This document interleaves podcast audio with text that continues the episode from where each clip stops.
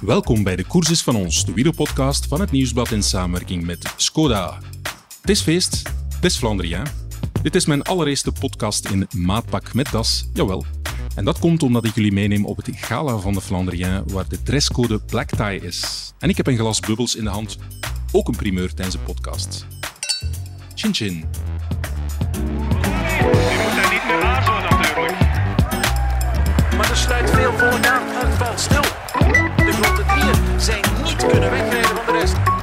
Dit is je kans, man. Van der Poel, Schachman, Alaphilippe, Greg van Avermaat. En Stuy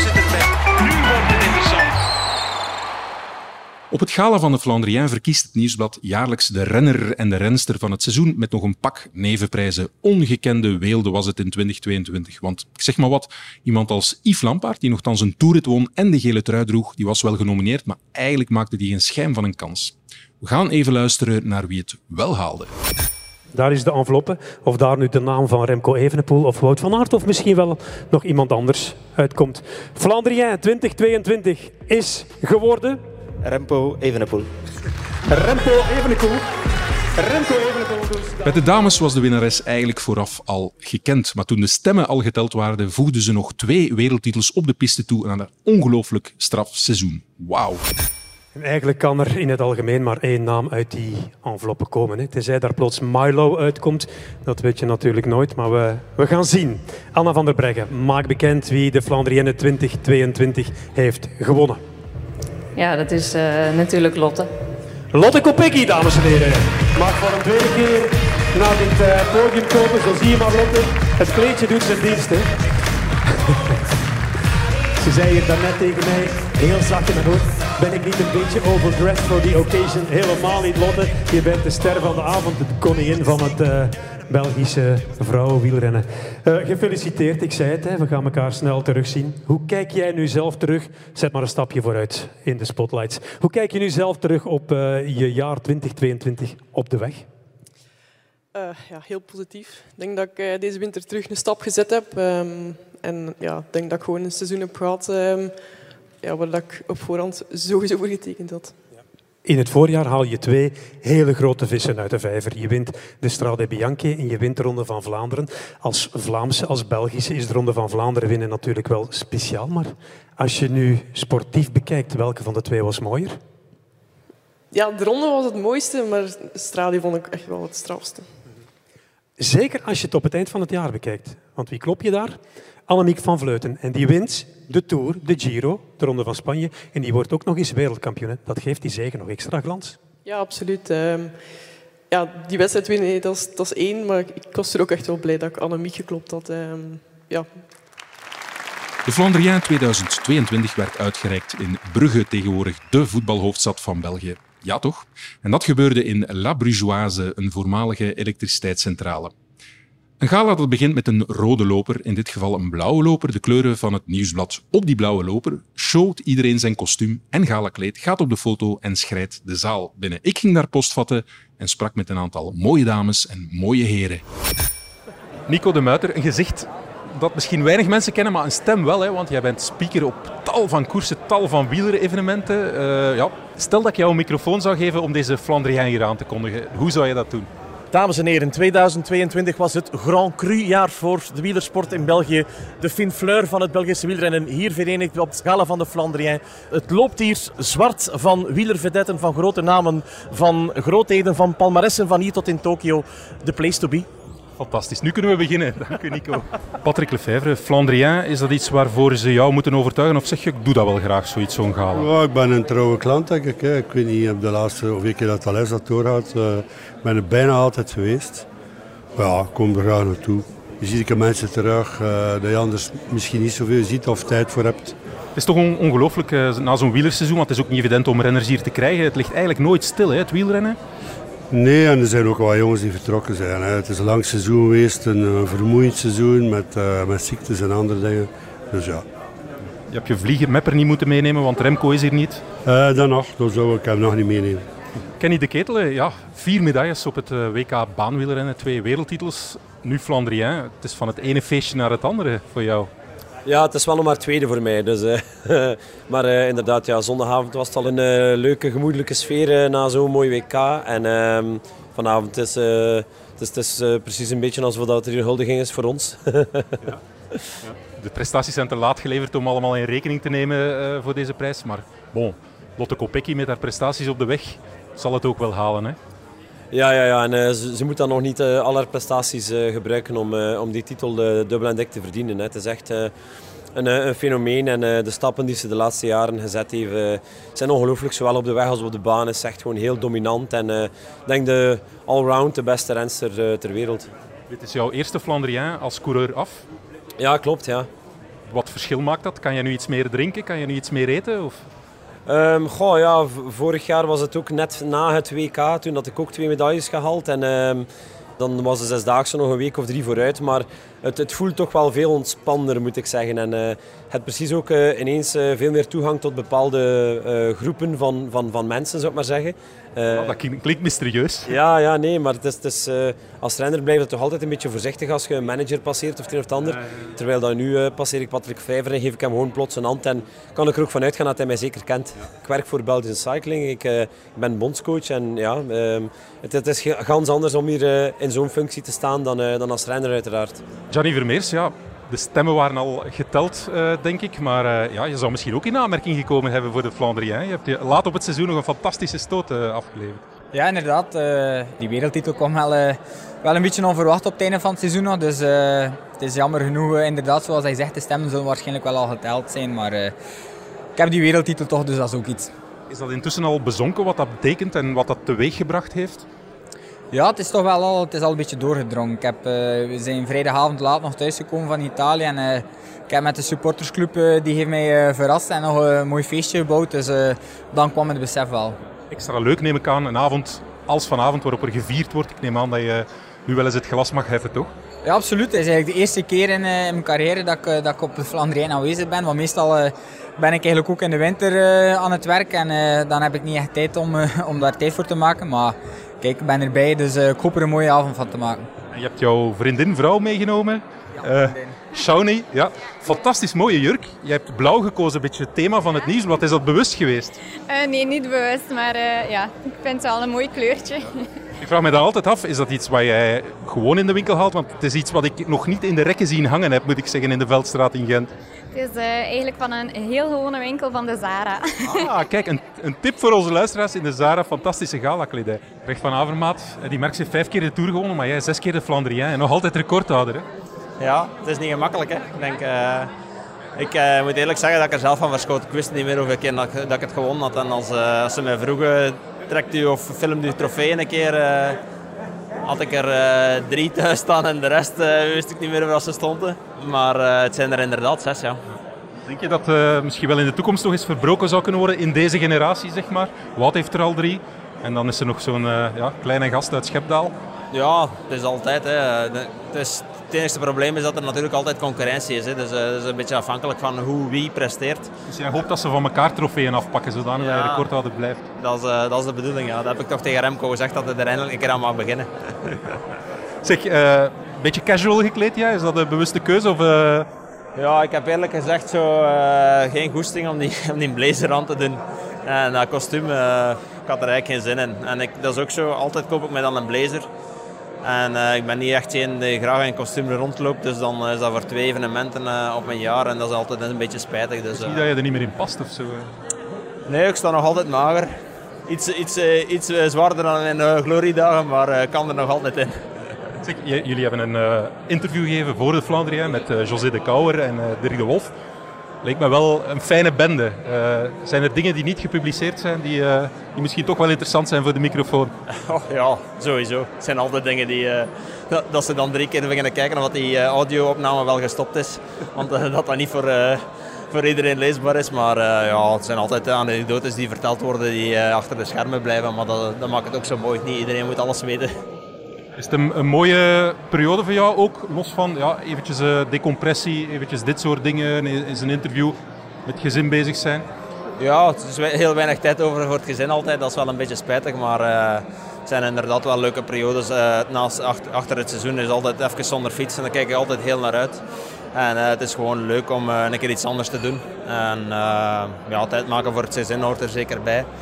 Maar ja, het is leuk om de mensen terug te zien. En sta hier niet als, eh, als laureaat of eh, als genomineerde. Maar ja, ik heb wel eh, voldoende respect voor de Flandriaan om nog een keer langs te komen. Greg, een goede raad. Fiets nog even. Ik ga dat proberen, ja.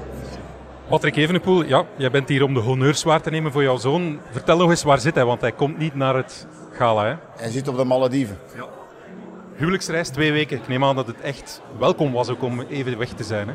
Ja, absoluut. Want eh, mensen vergeten eigenlijk wel dat hij van eh, eind juni volledig in zijn bubbel zat.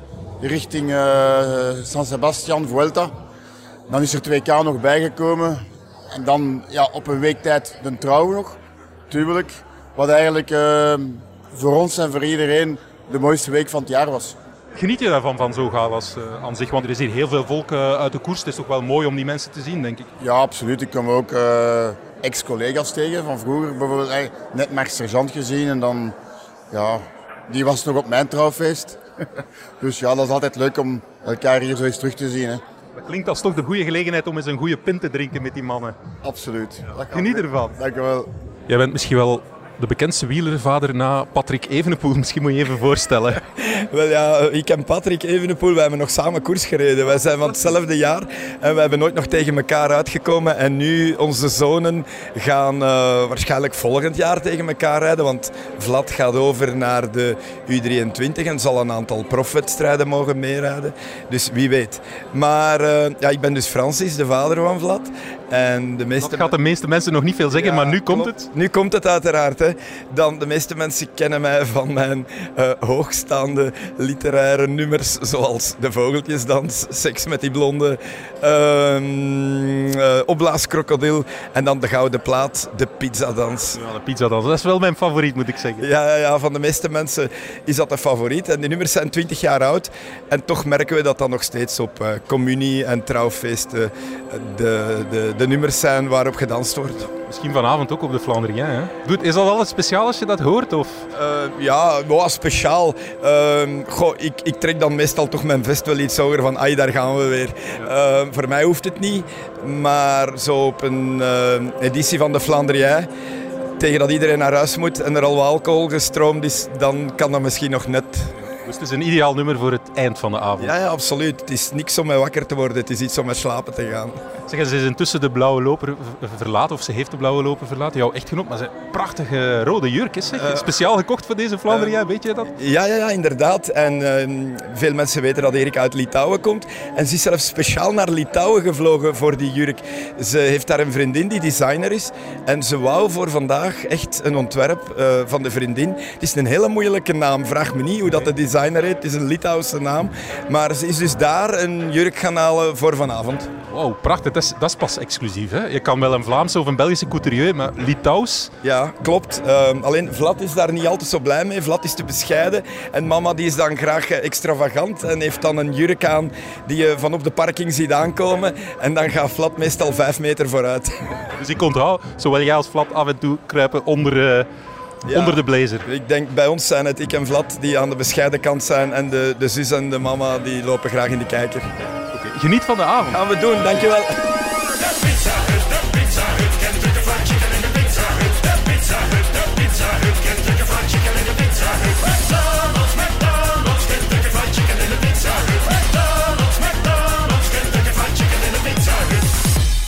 Na de uitreiking kost het mij wat moeite om mensen uit de zaal te plukken. Het gebeurt niet vaak dat er zoveel wielervolk in één zaal samen is en het werd een gezellige boel. Maar kijk, ik slaag erin om twee fantastische madammen naar mijn podcastlokaaltje te halen. Ik zit hier bij twee leading ladies van het vrouwenwielrennen. De ene vroeger in Nederland, dan de andere in België nu. Proficiat Lotte, twee trofeeën hier gewonnen en de Flandrienne uiteraard ook. Hè? Ja, dank u wel. Het is eh, altijd heel leuk om, eh, om die erkenning te krijgen. Ja. Geen verrassing uiteraard. Hè. Wat een seizoen heb je meegemaakt en dan ja, eigenlijk toen de, stemmen al geteld waren min of meer nog op het baanwielrennen. Twee wereldtitels. Onwaarschijnlijk, toch?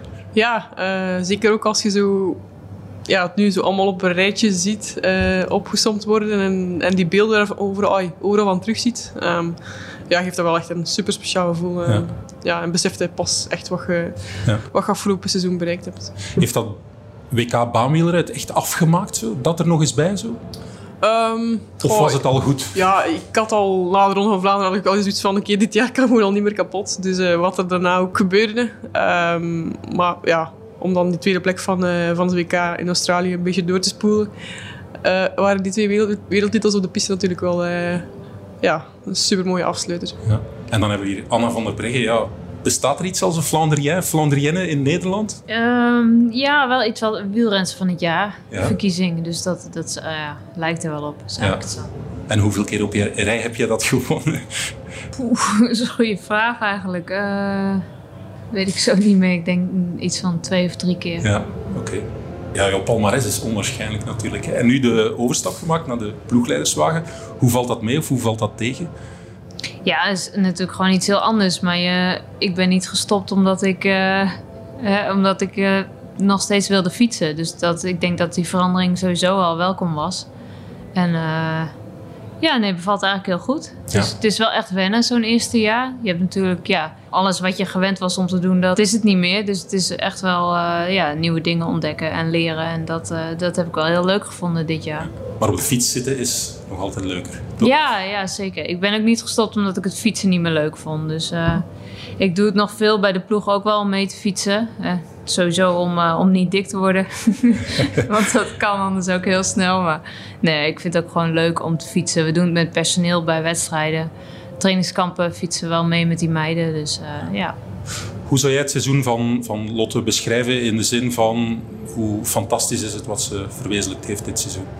Ja, het is denk ik een heel mooi seizoen geweest. En om, om dan als opener al met de Strade Bianchi... Ja, dat was denk ik eh, boven verwachting misschien wel. Echt iets wat, eh, waarin we wel vertrouwen hadden. Maar om dat ook te laten zien was echt heel knap op dat moment. En met de Ronde van Vlaanderen was eigenlijk goed voor, de, voor heel eh, SD Works. Gewoon hoe die meiden daar samen reden was het. Daardoor was het denk ik ook echt een ploegoverwinning. Dus dat waren twee hele mooie. Maar ik denk dat Lotte dit jaar ook gewoon... Ook wel, ja, misschien dingen die tegenvielen. En dat, dat heb je natuurlijk sowieso in een seizoen. Maar zoals ze zelf zegt, ja, na Vlaanderen was het al compleet. Maar die combinatie dan nog met die wereldtitels. En ja, eigenlijk gewoon een eerste jaar echt met de top meedoen. En ik denk ook dat stukje zelfvertrouwen van dat ze daarbij hoort krijgen. Plus ja, het hele land eigenlijk laten zien van wat je kan. Ja. Ja, dat is gewoon heel knap. En dat is denk ik ook iets wat ze volgend jaar... wat wel gaat helpen, omdat je nu gewoon weet van... oké, ik sta hier, ik kan dit. En dan weer... Nou ja, je hoort het bij Lotte ook al vaak. Dan weer snel verder naar het volgende kijken. Dus dat Ja. ja. ja, belooft wel veel mooie dingen, denk ik. Anna zegt dat zo makkelijk van, ja, Strade Bianchi, we hadden daar wel vertrouwen in, maar voor de buitenwereld was dat misschien de grootste verrassing, hè? eerder dan Ronde van Vlaanderen. Hoe zie jij dat? Ehm, ja, Gezien het feit dat natuurlijk ja, de, de klim op het einde en ook de aard van het parcours... Ja, nee, dat klopt. Maar ik had wel... ehm, ja, vorig jaar was mijn eerste stradi. En eh, daar had ik toen een supergoed gevoel. Had ik, naar mijn gevoel ook echt een super sterke wedstrijd. Tot ik lekker reed in een diepe finale.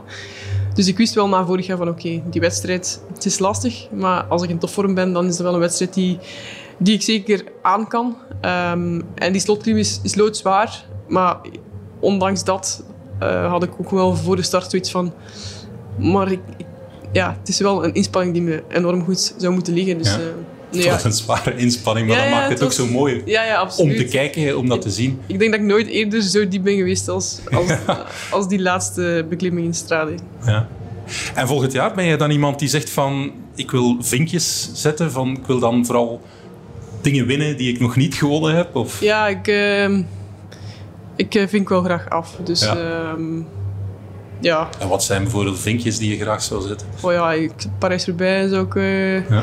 Dat is wel een wedstrijd die, ehm, die ik ook ontzettend leuk vind en eh, ooit wel eens graag zou willen winnen. Ehm, maar op dit moment is het vooral eh, eerst even mijn hoofd leegmaken en Ja. batterijen opladen. En nog niet te veel denken aan wat er volgend seizoen komt, maar Ja. gewoon even eerst eh, genieten van de rust en Ja. eh, alles laten binnenkomen. Ja. Het is Flandrien. Kan je daarvan genieten? Want sinds wanneer ben je terug uit Frankrijk van dat WK baanwielrennen? ik ben nog niet thuis geweest sinds het WK. Dus, eh, Je komt rechtstreeks uit Frankrijk? Nee, nee. Ah, Ik eh, had nog een paar verplichtingen met de ploeg. Ja, eh. Met Works. Dus ehm, ja, ik zal blij zijn dat ik vanavond gewoon terug in mijn eigen bed kan, eh, kan slapen. ja. En zo'n gaalavond, ligt jou dat? Want ik moet zeggen, bent hier fantastisch uitgedost. Eh, De hoge haken zijn wel al even uit, want dat eh, begon eh, wat moet ik lastig gewoon een beetje beter doen, maar nee, ja. Maar kan je daarvan genieten ook? Ja. De dresscode was gala en ik dacht van ja, ik ben er nooit naar een galafeest geweest, dus ik, ja, ik was dan wel op zoek gegaan naar, naar een mooie jurk. Ja. Ehm, dus ja, nee, ik kan er wel eens van genieten, maar ook niet voor alle dagen. Nee. En dan het, het, het genieten in de zin van eten, drinken. Let je op? Of is het nu eventjes een periode dat misschien een week, twee weken wat Eh, mag? ja, ik bedoel, ik, ik let wel op, maar ehm, ja, nu is het allemaal wel iets losser. En eh, ik bedoel, eh, iets drinken of, eh, of een frietje of pizza of zo. Er waren frietjes, hè? Ben je ja, ja, frietjes ik, ik heb eten? eh, bij Ja. frietjes gaan eten. Ja. En dan kijk jij er niet toe, Anna, en zeg je van... Hmm, zou je dat wel doen? Bij deze Ik week. heb het niet gezien. We hebben ook wat mooie dagen met de ploeg gehad. Daar heb ik wel wat dingen gezien. Maar nee, ik denk dat ik eh, de laatste ben die daar... Kijk, zeker in zo'n periode dat je gewoon kan genieten van die dingen. Dan Ja. moet je dat doen. En ik deed ook gewoon... Als ik echt een week lang ja, alles met eten ook goed deed... om dan een zaterdag een keer wat lekkers te eten. Ja, dat, volgens mij is er echt niks mis mee. Dus eh moeten we zeker vooral doen. Oké. Ik ga jullie verder laten genieten van de avond en dan vooral straks van jouw bed, denk ik, Lot. Ja, dankjewel. Oké, zeer bedankt. En nogmaals, dikke proficiat. En ook voor wat jij ons dit seizoen allemaal hebt gegeven van mooie momenten. Dank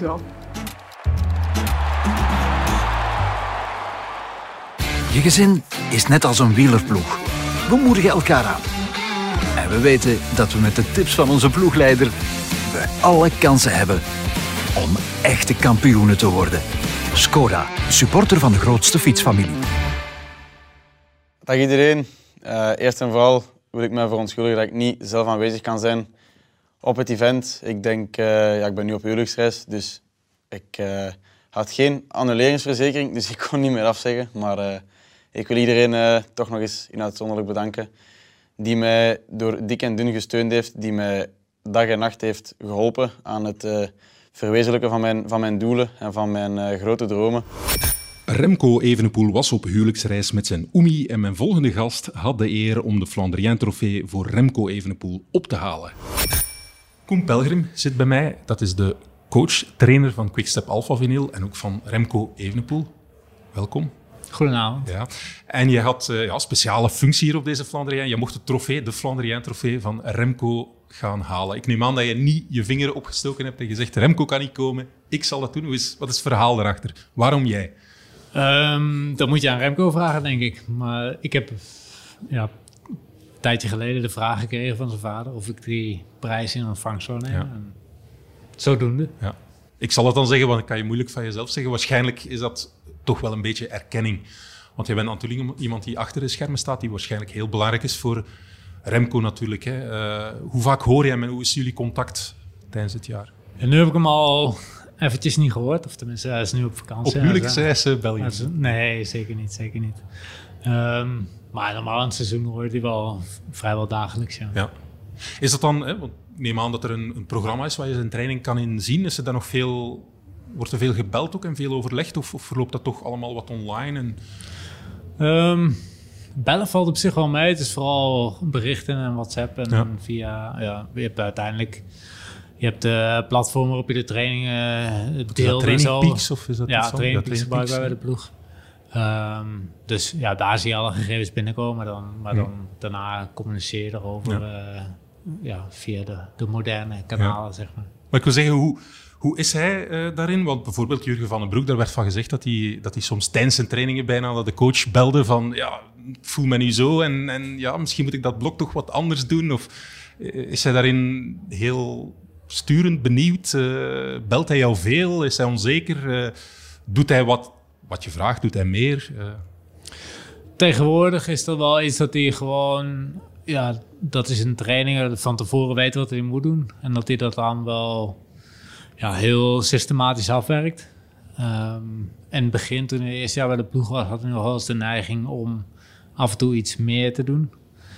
Ehm, maar ik denk dat hij in de loop van de tijd ook wel tot de conclusie is gekomen dat dat niet altijd eh, evenveel opbracht. En dat het niet altijd een goed idee was. Ehm, en nu is, hij, ja, nu is hij wel iemand die, die heel trouw zijn dingen af, eh, afwerkt. Ja. waarschijnlijk ook omdat hij ondervindt door prestaties van tja, dat werkt wel als ik mij daaraan hou. Ja, ja, absoluut. Ja. De- dat is natuurlijk de belangrijkste ja, de belangrijkste de bevestiging die je kan hebben als je, als je iets doet en, en dat werkt. Dan Ja. heb je ook ja, het vertrouwen dat dat in de toekomst, als je op dezelfde manier iets doet, dat dat... eh, Ondertussen komt hier iemand binnengewandeld. Ah, de fiets. De fiets van, eh van Lotte Kopecky, die staat hier. Ja, jij mag die meenemen. Voilà. Goeie fiets. Ja, Goeie fiets. Specialized. Dus bijna dezelfde maat als Remco, dacht ik. Nee? Zou, kunnen, niet veel ja. schelen, ja? Ja, de Vlaanderen, altijd iets te beleven. Ehm, we hebben het gehad over het contact dat er is, maar eh, de, de waren nu, alles wordt gestuurd door wattage. Is dat werkelijk zo belangrijk geworden? Is dat, bepaalt dat alle trainingen, alles wat jullie in koers doen, wattages, wattages, wattages? Mm, Nee, ja, uiteindelijk, het is uiteindelijk het belangrijkste is nog altijd het gevoel van de renner. Ja? Eh, Want ik zie hem wel vaak op zijn metertje kijken dan. Ja, tuurlijk. Maar dat is een bepaalde vastigheid die je hebt. En dat is een bepaalde waarde waarin, waarin je je gevoel kan, kan linken. Maar als je alleen de getalletjes ziet en de renner niet hoort, dan heb je vrij weinig aan die getalletjes. En vroeger had je alleen het, het verhaal van de renner en hoe hij zich voelde, maar had je de getalletjes niet. En tegenwoordig kun je de twee aan elkaar linken. En als je een van beide niet hebt, dan heb je zeker niet het hele verhaal. En, is het, is- ja, en, mis je een heel belangrijk deel van de informatie. Ja. Dus het is zeker niet alleen de getalletjes. Het is ook altijd nog de renner en zijn gevoel bij hetgeen wat hij moet doen.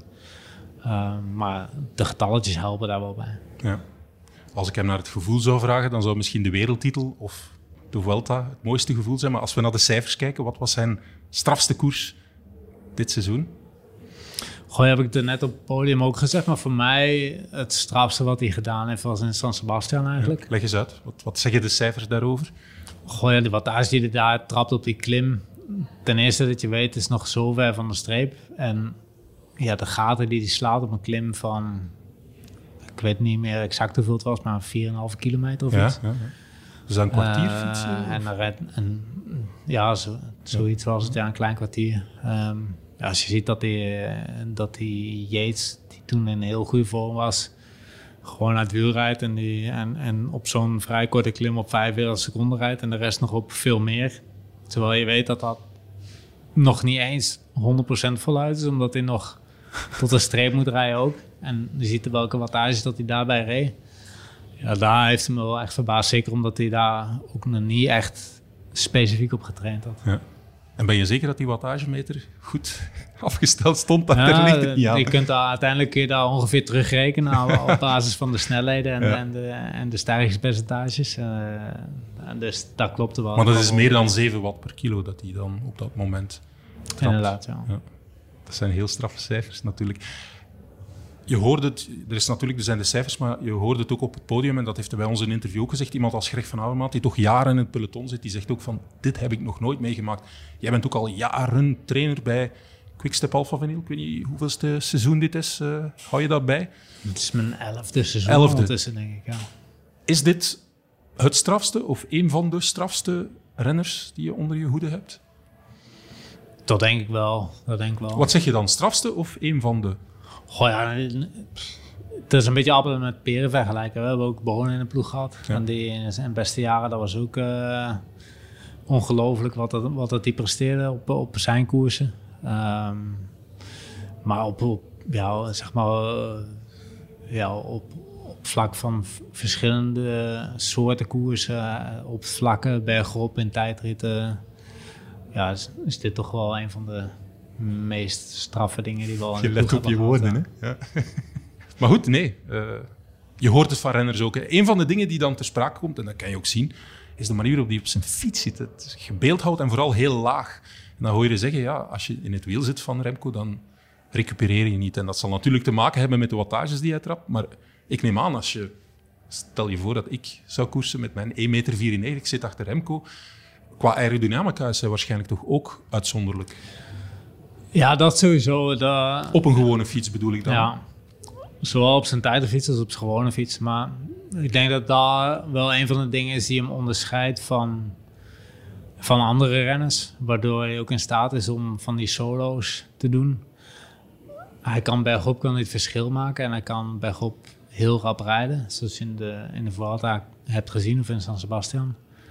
Ehm, maar hij kan ook op het vlakke heel, heel rap rijden. En dat is, ja, je hebt je, zeg maar ten opzichte van zijn, van zijn gewicht heeft hij ook een, een heel grote, ja, of een, een heel lage aerodynamische Dat factor. CDA heet dat, hè?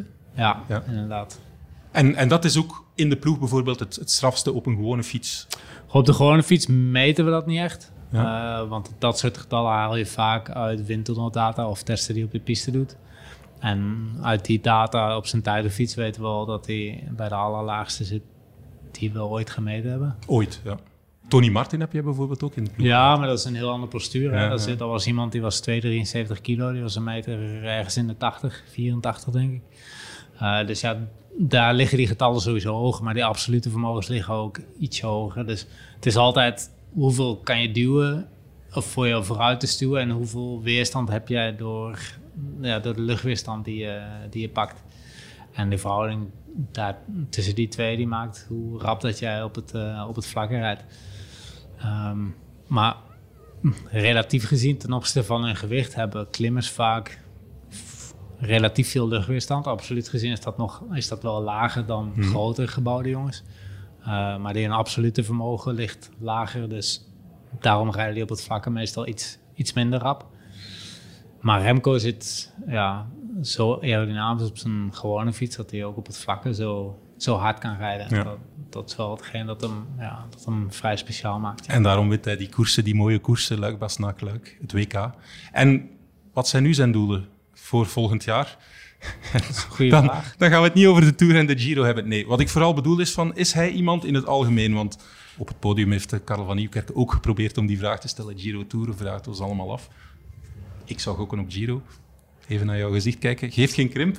Ehm, maar is hij iemand die, die dingen wil afvinken vooral? Of die, die telkens ja, wat op zijnzelfde koersen, bijvoorbeeld nu Luik, Bastenaak, Luik? Of is hij eerder iemand die zegt van, ja, ik wil toch, ik wil toch andere koersen. Ik wil zo'n compleet mogelijk palmares op het einde van mijn carrière hebben. Goh, dat is iets dat, dat nog nooit ter sprake is gekomen. Wat ook niet echt relevant is, denk ik. Eh, als je op dit moment in deze is niet dat hij volgend seizoen nu andere doelen wil stellen dan... dan... Goh, je hebt nu de Vuelta gedaan, dus het is niet dat je dan direct zegt van... oké, we gaan nu nog een keer de Vuelta proberen. Dat is duidelijk, ja.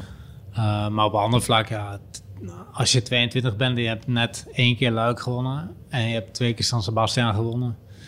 dan is het niet dat je zegt van ik heb nu vaak genoeg Luik, Bastenaak, Luik gewonnen... daar is geen doel meer voor, voor Nee. de toekomst. Ik denk dat dat op deze, in deze fase van, van je carrière nog niet, niet echt relevant is. Ik kan, kan me voorstellen als je op het einde van je carrière komt en je zegt van ik heb alles al gewonnen. En ik zou nog een keer, eh, mijn ultieme droom is eh, de Ronde van Vlaanderen een keer te winnen. Dan, dan komt dat misschien een keer Ja. eh, ter sprake. Maar als je 22 jaar bent en in deze fase van je carrière is dat, ja, heeft dat Ja. geen zin, denk ik. Hij is nu op huwelijksreis. Tot wanneer laat hij hem gerust? Wanneer pikken jullie de draad terug op? Ehm, begin november begint hij normaal gezien weer met zijn, eh, met zijn training.